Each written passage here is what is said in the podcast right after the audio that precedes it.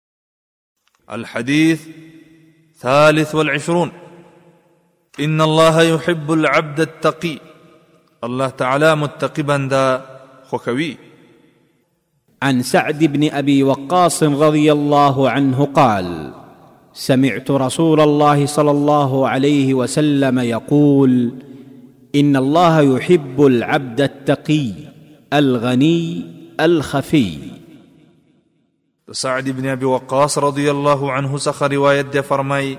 چې ما د نبی کریم صلی الله علیه وسلم څخه اوریدلی دی هغه فرمایل الله تعالی د هغه بنده سره محبت کوي کوم چې خپل ځان د ګناهونو نه بچ ساتي او د مخلوق نه خپل ځان بې پروا کړي او خپل نیک عمل عملونه نه ښکاره کوي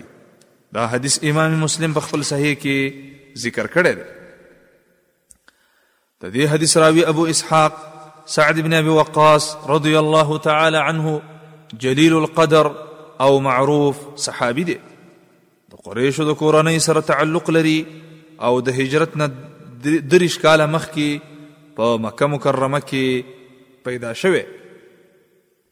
او همدلته لوی شوی دی سعد رضی الله عنه د هغه صحابه کرامو د ټولګي څخه دی کوم چې اول په اسلام کې داخل شویو او به مدینه ته هجرت وکړه د بدر او هغه غزاګانې چې د بدر د غزا نه وروسته واقع شوې دي په هغه ټولو غزاګانو کې شریک شوی دی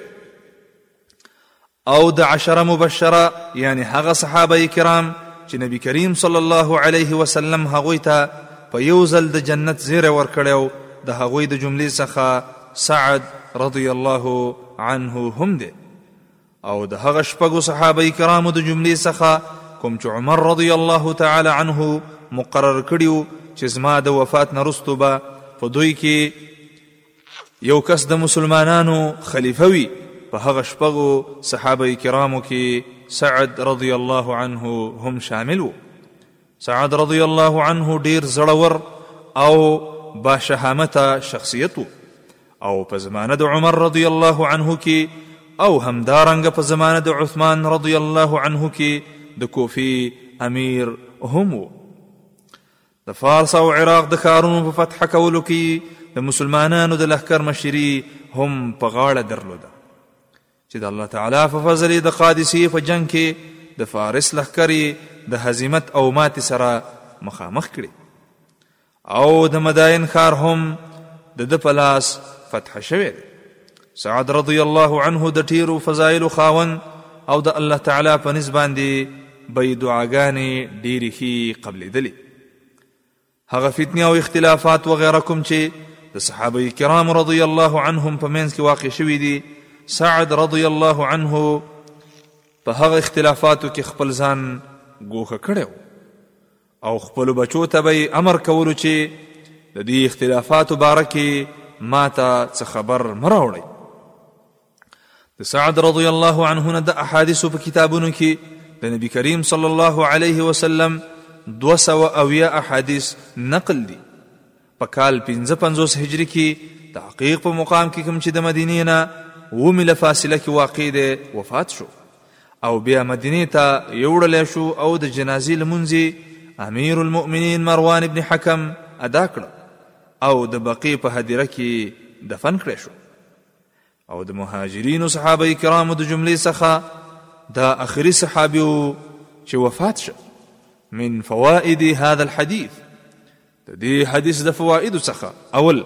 یو مسلمان لره باید د چې د مسلمانانو په ټولنه کې شریک جون وکړي دوهم کله چې فتنې ډېرې شي او یو مؤمن سره ویره او اندېښنه وي هسې نه چې په دې فتنو کې واقع نه شم نو د ده لپاره غوره دا ده چې خپل ځان ګوښه کړي او د خپل دین وغیره حفاظت وکړي دریم د مسلمان لپاره سری رحمی فعلل په اسلام کې ضروری دي خو چې کله د دې د وجنه د الله تعالی په نافرمانی کې واقع کیږي او که چرته د الله تعالی په نافرمانی کی د صلی رحمی د وجنه واقع کیده نو بیا به صلی رحمی پریږدي ځکه شرعي قاعده دا ده چې د فساد د فکول لومړي دي د فائدې حاصلولونه څلورم